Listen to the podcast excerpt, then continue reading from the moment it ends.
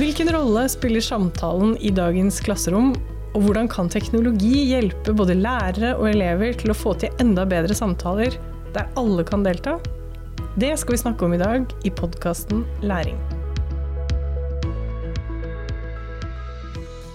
Gjestene i studio i dag er Ingvild Rasmussen, professor ved Institutt for pedagogikk ved Universitetet i Oslo. Hei. Hei.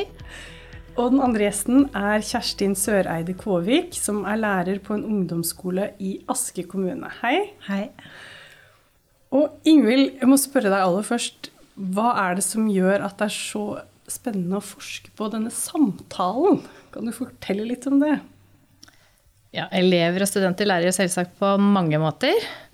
Men språket er vårt viktigste verktøy for å lære. Og jeg er opptatt av samtalens rolle, både som middel til å dele og utvikle kunnskap og forståelse i klasserommet, men også som et mål i seg selv. Og det første, altså dialogen som et middel til å dele og utvikle kunnskap og forståelse i klasserommet, det handler om å lære gjennom å delta i samtaler. I samtalen så deler vi ideer og kunnskaper. Gjennom det så får vi tilgang til ny informasjon som vi kan bygge videre på og kanskje kan vi til og med utfordre hverandre og endre mening. Eh, det andre handler mer om litt eh, det grunnleggende i det å få lov til å være en del av et fellesskap. Så det er mer sånn en viktig del for oss mennesker for å utvikle oss. Og samtalen og fellesskap i klasserommet er veldig viktig og spennende å studere. Mm. Og Kjerstin, er det noe du kjenner igjen fra klasserommet? Ja, absolutt. Jeg har alltid syntes at eh, dialog i klasserommet, det å snakke sammen med elevene, og at elevene snakker sammen, har vært veldig viktig for læring. Og vi har også snakket om det på et metaplan. Eh, hvorfor skal vi snakke sammen? At vi videreutvikler tankene våre når vi snakker sammen. Når vi begrunner det vi sier, når vi forklarer videre, kommer med eksempler eller eh, utfordrer både seg selv og andre da, ved å teste ut tanker og tenke høyt, rett og slett.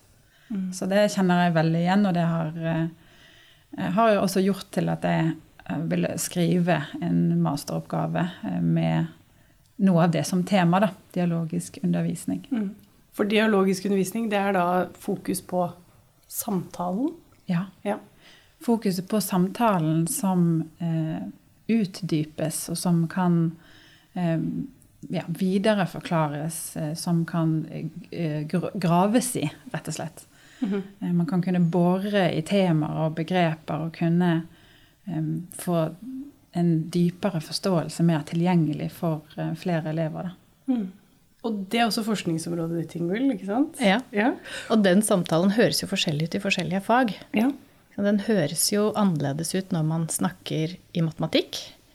Og den høres eh, Og da snakker man og får tilgang til strategier og ideer i den matematiske samtalen. Og den høres eh, annerledes ut når man snakker i historie eller i geografi, sånn som en av lærerne i prosjektet som jeg jobber med nå, han eh, ba elevene snakke geografi.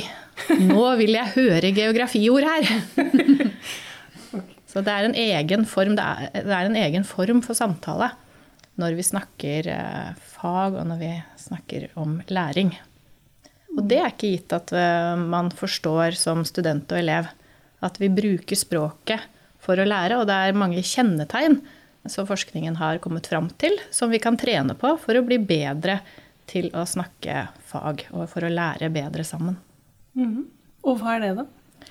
Nei, det er rett og slett det å trene på å be andre om å eh, fortelle mer. Det er sånne enkle ting. Eh, at du som lærer husker på å invitere elevene til å gi begrunnelser, til å lage oppgaver hvor, er, hvor de skal eh, kritisere for å bore videre i en kunnskap. Komme opp med ulike perspektiv, sånn at man får flere innfallsvinkler til temaet. Eh, fortelle hverandre hvordan man har tenkt når man har løst et problem. Ja, så det handler om å dele og tenke sammen. Og så har jeg skjønt at det er noe da, en egen type samtale som heter læringssamtale. Mm, det er jo det jeg snakker, det det snakker om, om, nå. Mm. Ja. Og er det også sånn da at man for å få til en god læringssamtale, er det noen regler man skal følge da, på en måte i klasserommet? Ja, altså eh, Når vi snakker om læringssamtalen, så der, dette er jo et stort felt, og man bruker mange ulike termer. Man bruker også utforskende samtaler. Eh, man kan snakke om validerende samtaler, altså at, med, at man anerkjenner elevenes meningsskapingsarbeid. Eh, accountable talk. Quality talk. Det er mange ulike sånne termer som forskerne har brukt for å karakterisere dette. Men det er for å karakterisere det samme, da? Det er for å karakterisere mye av det samme, eller ulike teknikker vi kan bruke for å lære gjennom samtalen. Og så har man, sant, i og med at dette her er noe vi delvis gjør automatisk, men ikke er oss bevisst, eh, så uh, bruker man en del uh, tilnærminger for å trene. Og det med å lage samtaleregler er en måte å være konkret i klasserommet. Altså at man setter seg ned sammen som et kollektiv og blir enige om en del sånn kjøreregler som vi tenker er viktige for å snakke sammen på en god måte. Kjerstin, i klassen din, klassene dine, hvordan jobber dere for å få til gode samtaler i klasserommet? Altså Det vi har gjort, er jo i stor grad bygget på det som Ingvild nå har snakket om. Og det er jo å utarbeide noen felles samtaleregler, noen felles kjøreregler for samtalen. Vi har da brukt ressurser fra eh, Didiak-prosjektet sine hjemmesider digitaledialoger.no. Og det er det prosjektet som du har vært leder for, eller? Ja. ja. Mm, bare så vi har det på plass. Ja. ja. Og vi har brukt de oversatte samtalereglene som et utgangspunkt for at elevene selv har kommet med felles samtaleregler som vi i dag har kalt trinnets samtaleregler for godt samarbeid. Og da har vi da eh, satt sammen disse seks samtaleregler som de er enige om at dette er de aller viktigste. Vi har laget plakater med det, hengt det opp i klasserommet. Og de har hatt en prosess da i forkant av disse plakatene som henger oppe. Der de har blitt enige. Og så er det et verktøy som vi henviser til hver gang vi snakker sammen. Om det er på grupper der elevene snakker sammen, om det er i fullklassesammenheng at vi skal snakke sammen. Og så er det jo gjerne sånn at før jeg går til kanskje helt konkrete hva som står på mhm. trinnets eh, samtaleregler, så er det jo, opplever vi og mange lærere med meg, at den klasseromsamtalen krever en viss sånn samtalekondis. Oi, hva er det? Eh, et ord som jeg har tenkt på i det siste, som handler om det å kunne ha utholdenhet i en samtale. En god dialog krever på mange måter god tid. God tid til å kunne lytte til andre, kunne utforske egne og andres ideer. Og kunne få nye perspektiver og bearbeide de på en god måte. Og i en helklassesammenheng der samtalen kun er drevet av det muntlige, da, så opplever vi mange ganger at eh, Det fins jo elever da som kjenner at nå henger ikke jeg med lenger. Og det er fristende å tenke på andre ting. Husket ikke helt det den andre eleven sa, eller hvordan dette resonnementet egentlig henger sammen. Og så skal jeg liksom delta nå. Jeg vet ikke helt hva jeg skal si. Eller er dette interessant? Hva har dette med meg å gjøre, egentlig? Så det å trene elever opp i både samtaleregler som er felles for en kultur, samtalekultur i klassen, som f.eks. går på å respektere andres meninger, spørre alle etter tur om meningene deres, se på og lytte til personen som snakker, at grupper skal holde seg til tema, være kritisk til ideer, men ikke personen bak dem. Mm. Den repeterer vi ofte. Mm. Um, og diskutere alle alternativer før de tar en beslutning. Hvis det er et sånn, samarbeid der man tenker om at her skal man bli enige om noe felles. Så det er jo den der kulturen mm. rundt det å snakke sammen. Men så har vi jo i tillegg typiske setningsstartere, som kan være et verktøy. Når du sitter i en gruppe, mindre gruppe, eller når du skal være i fullklassedialog, at du vet ikke helt hvordan du skal begynne samtalen, så har du et kort som er laminert foran deg, som alle har fått utdelt. Ikke bare noen. Alle har den tilgangen til det verktøyet. Som da har noen setningsdata som f.eks.: Jeg mener at. Jeg tenker at. Jeg er overbevist om at. Den type setningsdata da, som kan sette i gang eller eh, hjelpe mm. samtalen videre og, og gi flere anledning til å delta. Så både da trene opp samtalekondis, det var et fint begrep, og mm. ha disse samtalereglene, og så setningsstartere. Mm. Det bidrar da til å få til en god læringssamtale i klasserommet. Og de setningsstarterne, er det noe Ingvild dere har vært med på å utvikle? Det er jo en masse sånne ressurser tilgjengelig fra dette feltet. Så eh, feltet som har sett på samtalens betydning for å lære. Som da har lagd mye støttemateriell for eh, lærere og elever. Og jeg har sammen med kollegaer oversatt eh, en del sånne ressurser og gjort de tilgjengelig på nett som en del av Samtavla sin nettsider, som jo er en digital mikrobloggtjeneste, som vi mm. sikkert skal snakke mer om. som, er, hvor, som er, så det, det vi har snakka om nå, er jo ressurser som eh, bistår elevene til å få til eh, å bruke språket på, for å lære. Mm. Og det er ikke sånn at vi, er, eh, vi kan det fra før av. Noen eh, eh, har gjort det og har det med seg mer i større grad hjemmefra. Som en, å snakke mye hjemme, begrunner, Eh, lytter til hverandre. I andre hjem så er ikke det så vanlig.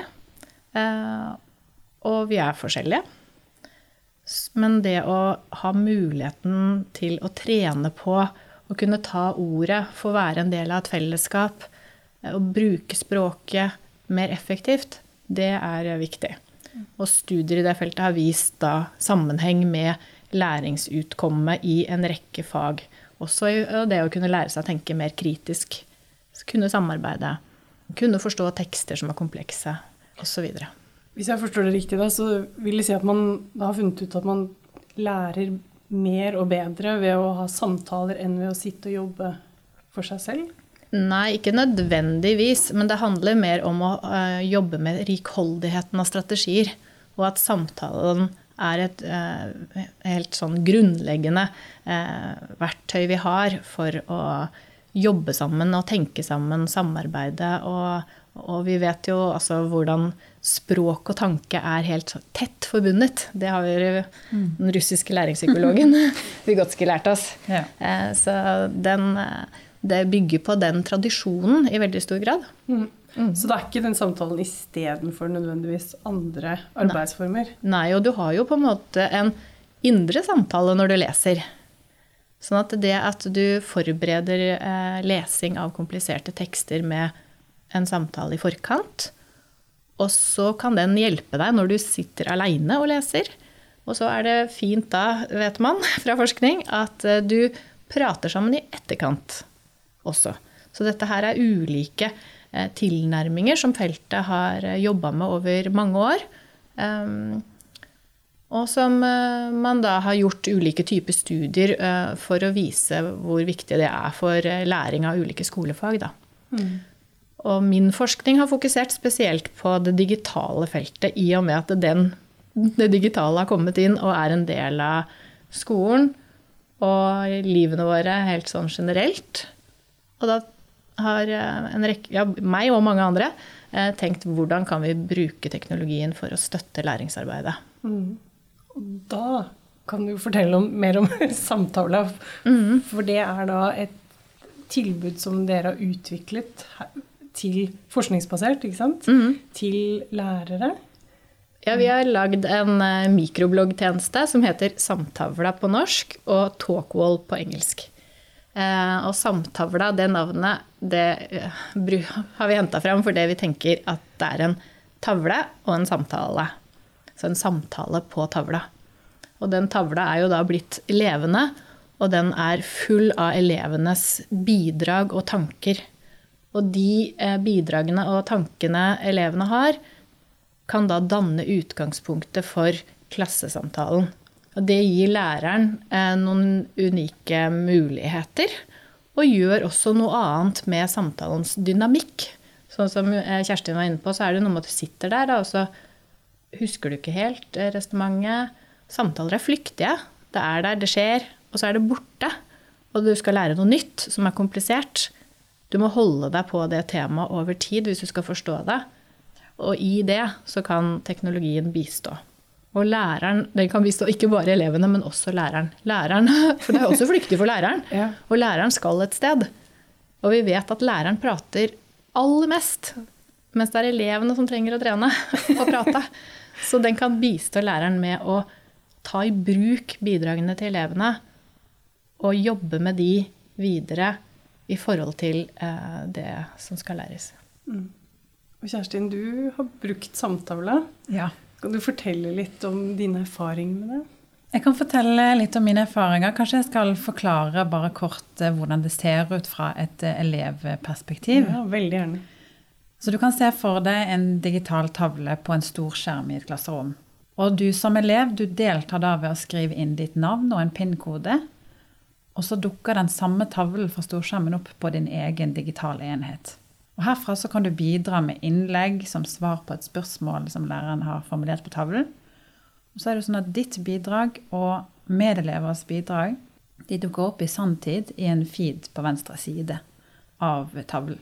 Og så kan du velge å bygge videre på disse, andre sine bidrag, eller redigere ditt eget bidrag og eventuelt produsere flere. Og det er jo fra et elevperspektiv. Nå tok jeg bare det derfra. Nå går jeg over til lærerrollen. Altså, jeg bruker jo samtaler jevnlig for å støtte klasseromssamtalen. Og som et ledd i å inkludere alle elevene i å dvele, på, dvele ved begreper og temaer for at de skal kunne lære av hverandre. At de får tid til å utforske egne og andres ideer. Og da begynner jeg alltid med å henvise til de samtalereglene som vi har blitt enige om. eh, Som henger på veggen i klasserommet. Og vi repeterer hvorfor vi skal bruke samtavler. Og ofte så er det elever som er med på å forklare hvorfor skal vi bruke samtavler nå. Det å, kan være eksempler som å lære av hverandre, eh, lære mer av seg selv ved å snakke om og utforske hva vi tenker. Teste ut tanker, sier vi ofte. Eh, Og da er jo det viktig hvordan jeg da har eh, tenkt. Hvordan jeg har tenkt at dette her skal være en støtte i klasserommet. Det er jo ikke gitt det at vi bare tar med inn et eh, digitalt verktøy, og så smakk, smakk, så har vi gode læringsresultater. um, og, og det markedet er jo så fylt til randen av produkter som lover eh, gull og grønne skoger om hvordan dette her skal være et stort bidrag inn i læringen til elevene, eller som å effektivisere lærerens arbeid.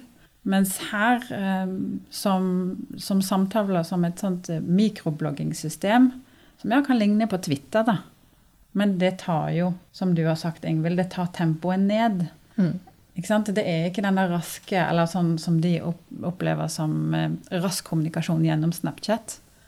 Elevene tar jo med seg sine digitale erfaringer eh, og digital praksis hjemmefra inn i, i å bruke et nytt digitalt eh, redskap. Da. Så her er det jo mange ting som en må snakke om og avklare før en da kan utnytte det potensialet som ligger i å få elevenes bidrag, altså at deltakelsen øker.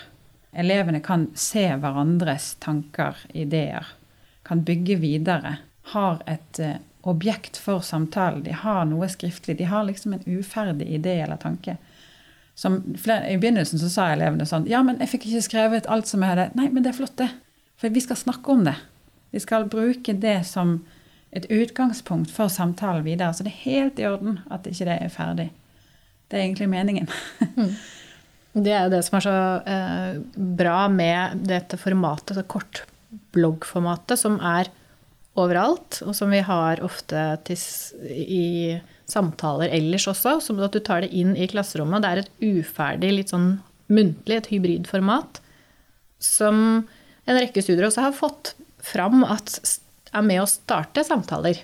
Ikke sant? Eh, og det skal ikke være ferdig. For det er jo ikke samtalene. De er i, det er en prosess. Du skal gå videre. Og det gir rom for eh, mange som kan være der samtidig. Og én ting som jeg vet at du har jobba med, som, også, som vi eh, har lagt vekt på når vi har designa samtale, er at, at det har en dynamikk hvor du kan både se på elevtavler, at, du kan, at elevene kan jobbe sammen og lage sine egne tavler. Så kan læreren gå gjennom disse gruppetavlene. Sånn at den eh, praksisen som veldig mange lærere er kjempegode på, hvor du eh, setter det Du tenker, og så deler du eh, med gruppa, og gjerne hele klassen, det kan det verktøyet støtte. Sånn at du får en støtte for at disse ideene kan reise i klasserommet. Mellom individer og grupper og hele fellesskapet. Og det er jo et stort eierskap også, tenker jeg, som elevene har til bidragene sine mm. på samtavler. Hvis du sammenligner med et helt vanlig ikke-digitalt eh, tankekart på tavla, så deltar gjerne de samme elevene eh, i å bidra med ja, ideer og tanker som skal opp på tavla. Læreren skriver. Det er læreren som skriver det. Mens nå er det elevene som selv produserer disse bidragene, har et forhold til det en nærere relasjon til det de har produsert. Og kan lettere bygge videre på det eh, i en samtale. Og som Ingvild også sier, at det er en unik mulighet for at en kan få opp læreren som eh, styrer på en måte eh, samtaler fra, fra tavler, da. Eh, kan velge ut ulike tavler som elever har laget, der de har systematisert eller trukket ut eh, bidrag fra andre elever som de syns har vært viktig. Og kunne også forklare hvorfor har du tatt ut disse, hva er grunnen til det? Ser du noen likhetstrekk, ser du noen forskjeller? At um, elevens um, hva vil si, agency på, på, engelsk Jeg har egentlig ikke noe ordentlig godt norsk ord Nei, for det. Nei, altså på at det heter agency. Men det er jo egen agens. Ja. At, du, at, du, er liksom driver og uh, får et eierskap. Ja. Og også får anerkjennelse både av lærer og medelever. Mm. Eh, fordi, og at det da ikke nødvendigvis alltid er de eh, samme mm. som får til, og som, har, eh, som er bedre på, eller mer komfortable med den type tilstedeværelse i klasserommet. Ja, jeg syns også det med typisk med anerkjennelse. altså Øke deltakelse er en veldig, veldig fin ting. Um, elever som vanligvis, eller som, som, har ulike grunner til at de syns det er vanskelig å ta ordet i en helklassesammenheng, får nå en annen mulighet til å delta. Og det, det, skjer noe med klasserommet når også eh, læreren trekker ut bidrag på tavlen fra den feeden og ut på tavlen. Og det er jo noe som jeg også snakker med elevene om, så de vet at når jeg trekker ut ulike, så sier jeg igjen at nå har jeg trukket ut ulike bidrag, fordi jeg, vil, jeg, ser at det er litt ulike ideer og tanker her. Mm. Og at jeg trekker ut forskjellige hver gang, sånn at, den, at de, de, forstår hva som er poenget med å trekke disse ut på tavla, ikke bare det å bli valgt.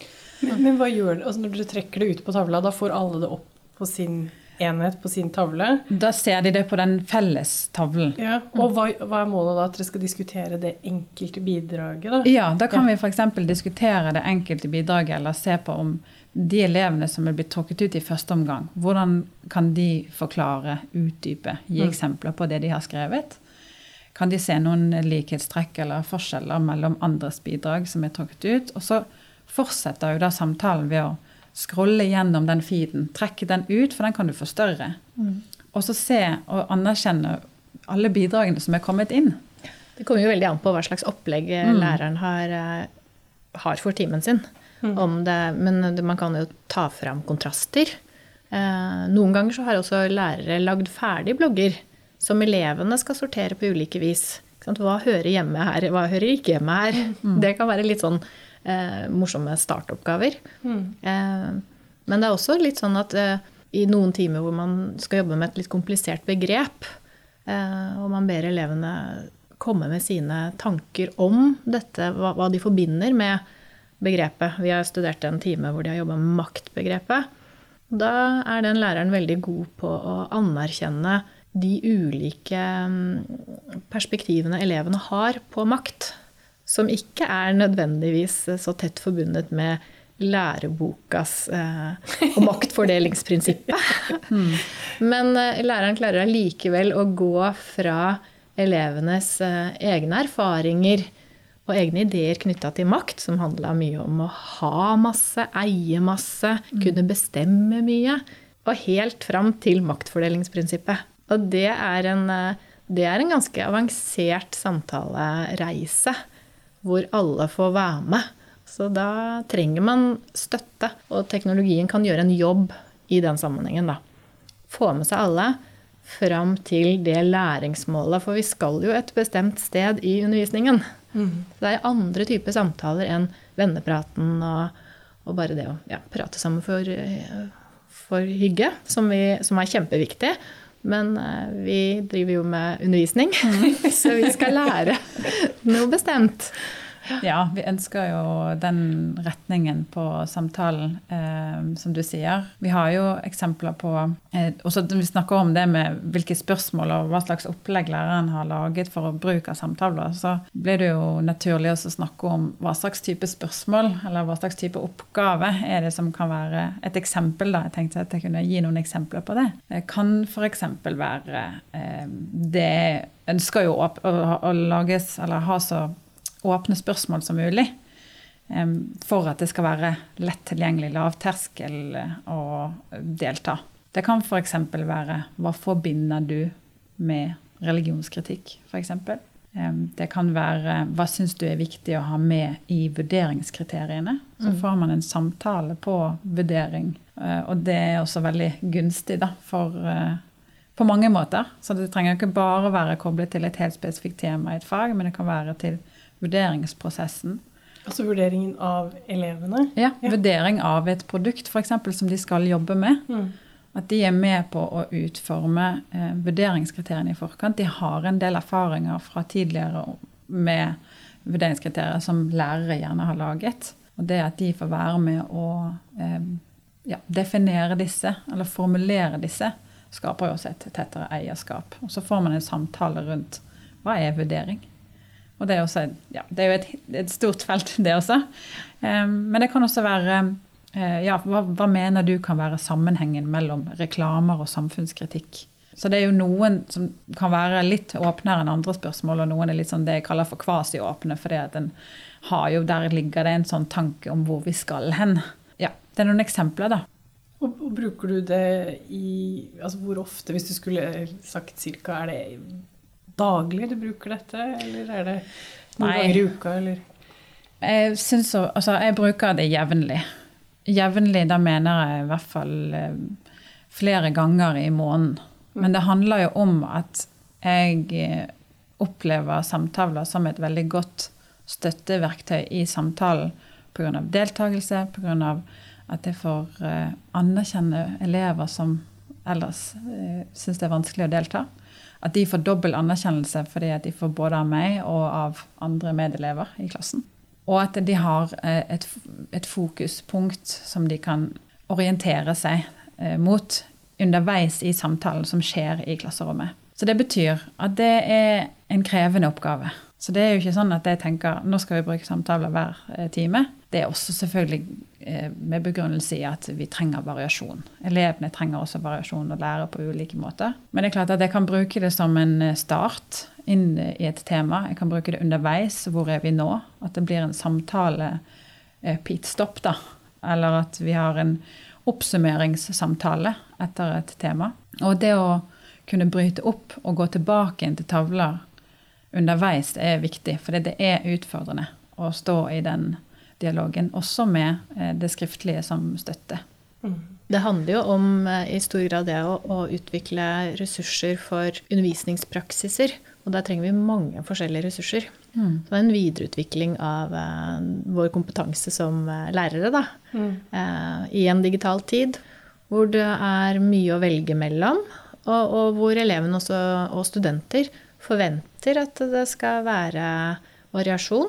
De er jo vokst opp med i en tid med masse ulike digitale mm, ressurser i sin hverdag. Eh, om de hadde gått i en skole da uten noe av det, så tror jeg vi hadde strevd litt med det. Så, og, så, og som lærer da, så trenger du jo å jobbe med den rikholdigheten. Og samtaler der tenker jeg er, en, er ett av flere ressurser man kan bruke. Men eh, det som kjennetegner samtavla, er jo at det bygger på at det er en forskningsbasert ressurs som er åpent tilgjengelig. Og mange av disse ressursene vi har knytta til verktøyet, er også, den, er også det. Mm. Så hvis en lærer hører på og har lyst til å ta i bruk samtavla, hvordan går man fram da? Nei, Da går man bare inn og søker samtavla, og så bare setter man i gang. Ja. Det er gratis og åpent tilgjengelig. Mm. Så det er jo ut fra sånne åpent, eh, åpent tilgjengelige ressurser-prinsipp. Men, Ikke noe reklame der, nei. men altså, hvor lang tid har det tatt? Altså, hvem har deltatt i prosessen med utviklingen? Og liksom, har, ja, hvor lenge har dere holdt på med å utvikle dette? En tiårs tid, uh, i hvert fall. Uh, og det bygger jo på forskning som jeg nevner, som er, har, er mye, har en mye lengre historie. Uh, og det er lærere ved en, en rekke skoler. I Oslo og omegn, men også i resten av landet, for vi samarbeider med en del av. og de har, har eh, lærere på skolen har kontaktnett i hele Norge. Den ja, Nasjonal digital læringsarena. Det er fylkeskommunene som eh, har eh, gått sammen. Og så har de et nettverk av lærere som, også, som vi har samarbeida med. Så, og da har dere hele veien da testet litt, og så har dere fått tilbakemelding fra lærerne. Mm. Og elevene, har dere fått noen tilbakemelding fra de, eller? Ja, og elever. Så da har vi De har vært med å prøve ting. De har eh, vært med på sånne små designworkshop. eh, Hvor vi har sett på ulike funksjonaliteter, kommet med ting som er nødvendig. Blant annet eh, den siste endringen vi har gjort, er å legge til rette for mer undervisningsmaler. At du har et sted å starte, og at du kan dele undervisningsopplegg som du syns fungerte godt, med dine kollegaer på din skole, uten at det er en sånn så åpen eh, deling som på internett generelt. Altså, eh, mens du kan eh, bare dele det på skolen, eller med en enkelt eh, kollega. Sånn at du kan starte med noe. For det er noe med å ha tilgang på mye ressurser i dag. Det er fint, men det betyr ikke at du helt Det hjelper deg ikke alltid allikevel. For det- du må finne ut av hvordan du skal bruke det på en god måte. Og da er det viktig med et kollegafellesskap. Så det er eh, et eksempel på noe lærerne, eh, etter å ha brukt samtavla, var veldig opptatt av at de trengte. De trengte et, en start og hjelp til å komme i gang. Hvordan var det for deg da, Kjerstin? Hadde du det, eller? Var jo kanskje litt eh, heldig med tanke på at jeg studerte og undersøkte samtaler i forbindelse med min masteroppgave fra 2016. Begynte jeg å se på det.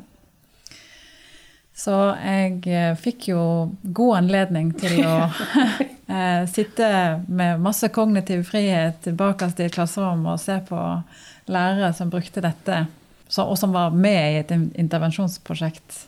Så, som handlet om da, hvordan kan en benytte samtaler som digitalt verktøy pluss samtaleregler eh, i en kombinasjon for å støtte eh, klasseromsamtalen. Så jeg fikk jo eh, sett det, altså fått det demonstrert. Og så eh, tok jeg med meg erfaringer fra det jeg hadde sett, og eh, det lærerne som jeg intervjuet snakket om, inn i min egen praksis. Um, og det har vært, det var veldig lærerikt. Det var en god, god sånn start. Det er jo ikke alle som får den kickstarten på et sånt digitalt verktøy. Eh, men det er jo um, ut ifra også hva de lærerne som jeg intervjua sa, så handler jo det i stor grad om å finne de gode altså fagdidaktiske rammene rundt det. Og da vil jeg spørre fagdidaktisk. Ja, altså, jeg tenker jeg helt sånn konkrete metoder i fagene som er sånn fagspesifikke. Eh, Metoder og innhold som, som skiller seg gjerne fra andre fag, eller hvordan Var det litt sånn som vi snakket om innledningsvis, at eh, historie Så får du én Mm. type samtale, Mm. geografi en annen? Ja. Ja.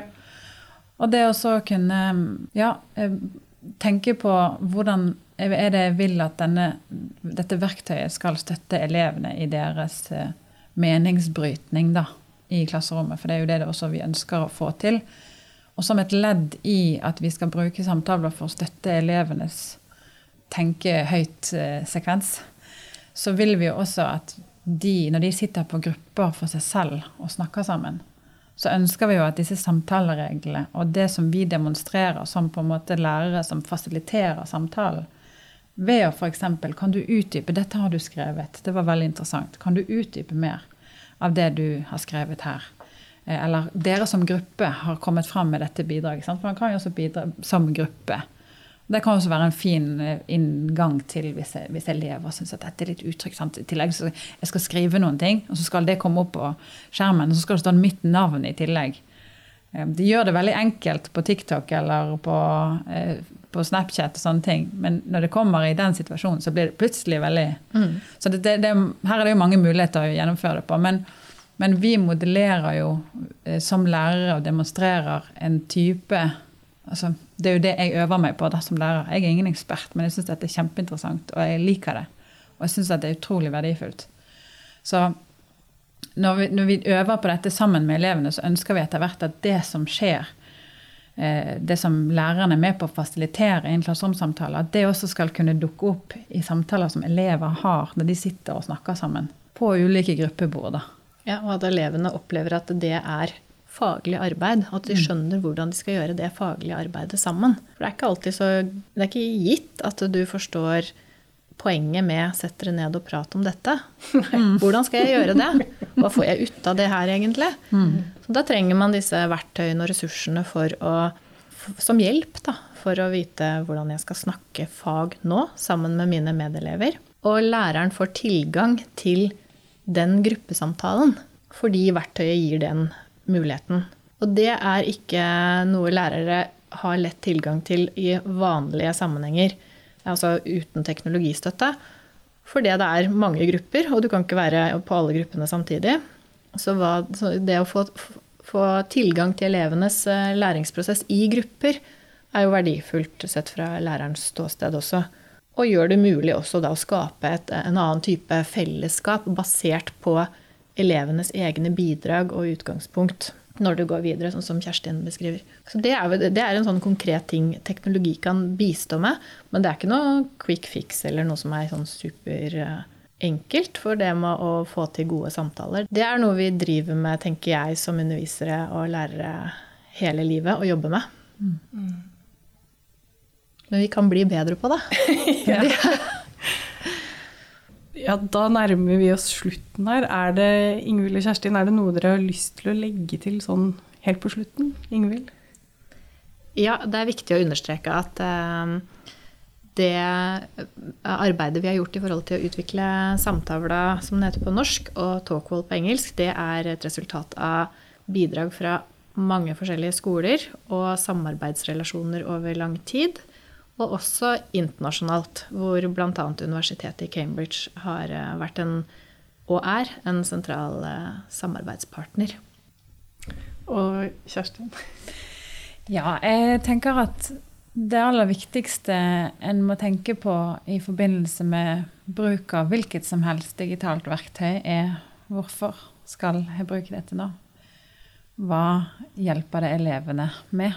Og spesielt med tanke på samtavla, så av erfaring så er det det å jobbe med samtalekondisen, altså. Mm. Ja, men takk for at dere kom, og for denne samtalen.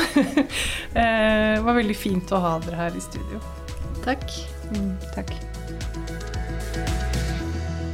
Takk for at du hørte på denne episoden. Jeg heter Elise Koppang Frøyd og har sammen med Bagisade gjort research for denne episoden. Shane Colvin har vært produsent. Du kan følge oss på Det utdanningsvitenskapelige fakultets Facebook-sider for mer informasjon. Vi høres!